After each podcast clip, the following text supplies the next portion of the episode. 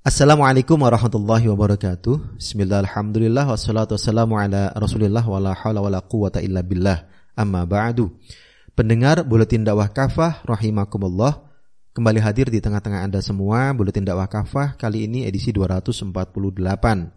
24 Zulqa'dah 1443 Hijriah, 24 Juni 2022 Masehi. Kali ini akan mengangkat tema mengoreksi penguasa adalah kewajiban mengapa dibungkam. Bismillahirrahmanirrahim. Pemerintah dan DPR akan mengesahkan revisi Kitab Undang-Undang Hukum Pidana RKUHP dalam waktu dekat. Namun, keduanya dinilai otoriter karena tertutup dalam proses pembahasannya. Baik pemerintah maupun DPR seperti menutup hak rakyat untuk memberikan saran atau mengkritik materi RKUHP tersebut.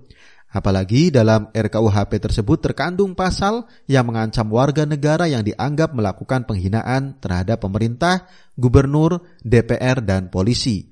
Warga yang disangka melakukan tindakan tersebut diancam hukuman penjara. Banyak pihak menilai RKUHP ini akan membawa negeri ini ke era lebih otoriter. Sudahlah pembahasannya tertutup, RKUHP tersebut berisi pasal yang bisa membungkam warga yang mengkritik pemerintahnya sendiri. RKUHP tersebut juga berpotensi menutup kewajiban mengoreksi penguasa. Pendengar rahimakumullah, bahaya pasal karet. Pasal-pasal yang berisi ancaman terhadap warga yang dituduh melakukan penghinaan dikhawatirkan akan menjadi pasal karet. Artinya, penafsirannya mudah ditarik ke sana kemari secara sepihak oleh penguasa. Bisa saja orang yang mengkritik pemerintah ditafsirkan sebagai menghina sehingga pelakunya dapat dijebloskan ke dalam penjara. Padahal selama ini rakyat Indonesia sudah merasakan kejamnya pasal-pasal karet dalam Undang-Undang ITE yang banyak menelan korban. Southeast Asia Freedom of Expression Network melaporkan bahwa sepanjang tahun 2008 sampai 2018 ada sekitar 35,92 persen pejabat negara seperti menteri, kepala daerah, kepala instansi, dan aparat keamanan melaporkan warga dengan memanfaatkan Undang-Undang ITE.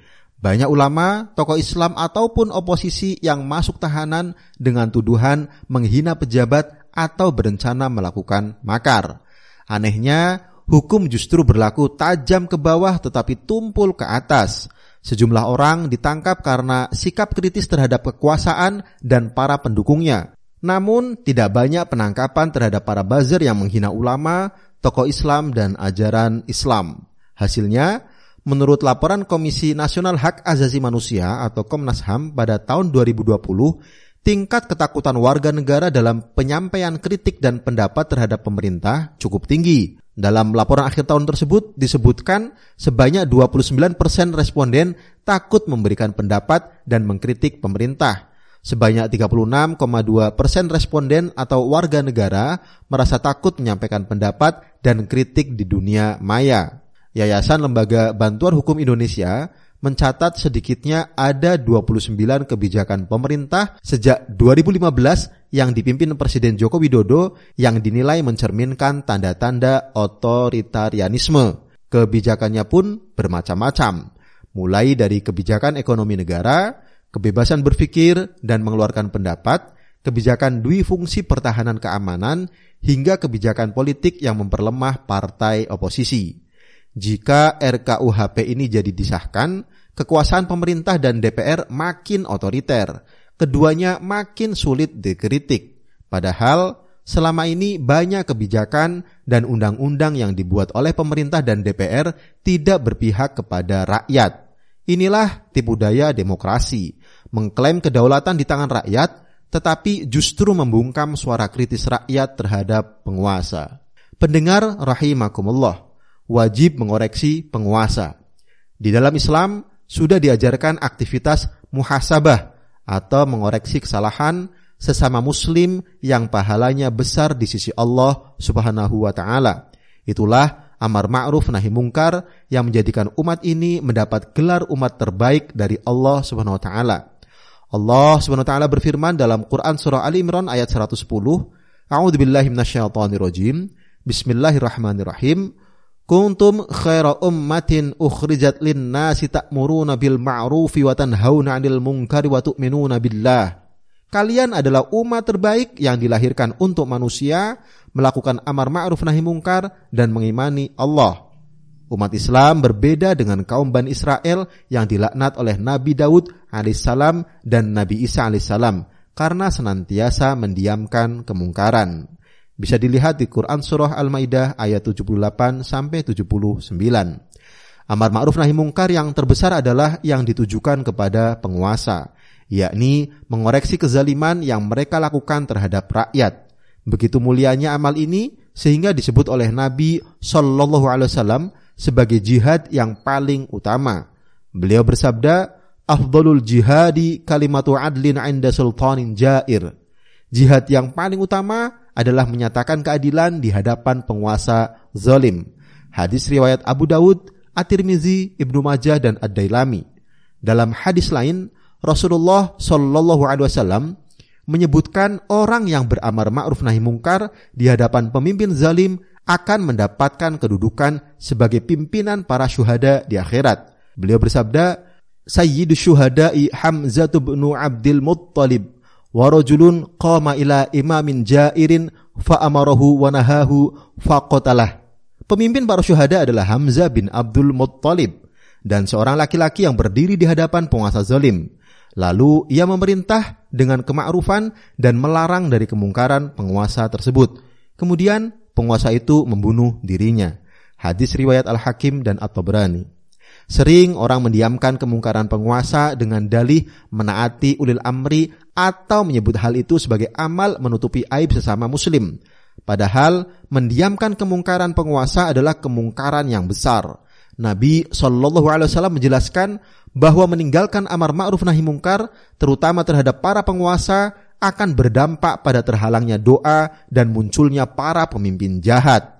Beliau bersabda, la ta'murunna bil ma'rufi wa la tanhawunna 'anil munkar au la yusallitanna Allahu 'alaikum syirarakum thumma la yad'awanna khiyarukum fala yustajabu lahum. Hendaklah kalian melakukan amar ma'ruf nahi mungkar atau jika tidak Allah akan menguasakan atas kalian orang-orang yang paling jahat di antara kalian. Lalu orang-orang baik di antara kalian berdoa dan doa mereka tidak dikabulkan. Hadis riwayat Al-Bazzar. Mengoreksi penguasa bukanlah penghinaan atau pelecehan, juga bukan membuka aib sesama muslim. Pasalnya, objeknya adalah kebijakan mereka yang zalim pada rakyat, bukan pribadi mereka. Kebijakan zalim tersebut seperti memperjualbelikan kepemilikan umum, BBM, gas, air, listrik, dan lain-lain kepada rakyat. Padahal itu adalah hak mereka. Menyerahkan kepemilikan SDA kepada pihak asing-asing mengkriminalisasi ajaran Islam seperti jihad dan khilafah, mencurigai dakwah sebagai aktivitas terorisme dan sebagainya. Semua ini tentu wajib dikritik dan dikoreksi. Begitu pula kelicikan penguasa seperti mencari keuntungan pribadi atau oligarki dari jasa layanan publik, semisal pendidikan, kesehatan dan sebagainya juga wajib diluruskan. Menghalang-halangi amar ma'ruf nahi mungkar adalah kemungkaran ini berarti akan melanggengkan kezaliman penguasa sekaligus bisa menyebabkan kerusakan yang sangat besar sebagaimana diingatkan oleh Rasulullah Shallallahu alaihi wasallam. Ma min qaumin yu'malu fihim bil ma'asi thumma yaqdiruna ala ay yughayyiru thumma la yughayyiru illa yushiku an ya'ummahumullahu minhu biqab. Tidaklah ada suatu kaum yang di tengah-tengah mereka berbagai kemaksiatan dilakukan yang mampu mereka ubah tetapi tidak mereka ubah melainkan sangat mungkin Allah meratakan atas mereka azabnya. Hadis riwayat Abu Dawud. Jika mendiamkan kemungkaran di depan mata bisa mendatangkan siksa Allah SWT, apalagi jika dibuat undang-undang yang menghalang-halangi aktivitas amar ma'ruf nahi mungkar, jelas lebih besar lagi kemungkarannya.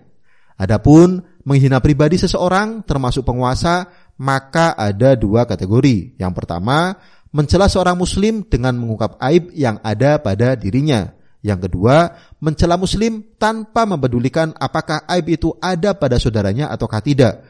Kedua hal ini haram. Nabi Shallallahu alaihi wasallam bersabda, "Sibabul muslimi fusukun." Mencela seorang muslim merupakan kefasikan. Hadis riwayat mutafak alaih. Terhadap aib-aib pribadi siapa pun, termasuk aib penguasa, ada perintah untuk menutupinya dan larangan menyebarkannya. Rasulullah Shallallahu Alaihi Wasallam bersabda, "Man satara musliman satarahullahu fid dunya wal akhirah." Siapa saja yang menutupi aib seorang, Allah akan menutupi aibnya di dunia dan akhirat. Hadis riwayat Muslim. Pendengar rahimakumullah. Warisan Romawi. Sesungguhnya kitab undang-undang hukum pidana atau KUHP yang berlaku di tengah-tengah umat hari ini adalah warisan dari kaum imperialis Belanda. Sementara Belanda menggunakan undang-undang pidana tersebut berdasarkan turunan dari kode penal Prancis dan Prancis adalah negara yang melakukan kodifikasi terhadap hukum Romawi. Ironis, di tengah kriminalisasi terhadap seruan penerapan syariah dan khilafah karena dianggap ide asing, transnasional, Justru negeri ini memberlakukan undang-undang pidana yang berasal dari negara asing, bahkan imperialis. Hal inilah yang telah diingatkan Nabi Sallallahu Alaihi Wasallam. La taqumu sa'atu hatta ta'khudha ummati bi akhdhil quruni qablaha shibran bi shibrin wa dhira'an bi dhira'in. Fakila ya Rasulullah kafarisa war rum faqala wa manin nasu illa ulaik Kiamat tidak akan terjadi hingga umatku mengikuti jalan generasi sebelumnya sejengkal demi sejengkal, sehasta demi sehasta. Lalu ada yang menanyakan pada Rasulullah Shallallahu Alaihi Wasallam, apakah mereka itu mengikuti Persia dan Romawi? Beliau menjawab, selain mereka, lantas siapa lagi? Hadis riwayat Al Bukhari. Padahal Allah SWT telah menunjukkan kepada umat ini syariahnya yang pasti memberikan kebaikan dan membuka banyak keberkahan. Sudah seharusnya umat kembali pada syariah Islam sebagai bukti keimanan dan ketaatan mereka kepada Allah SWT.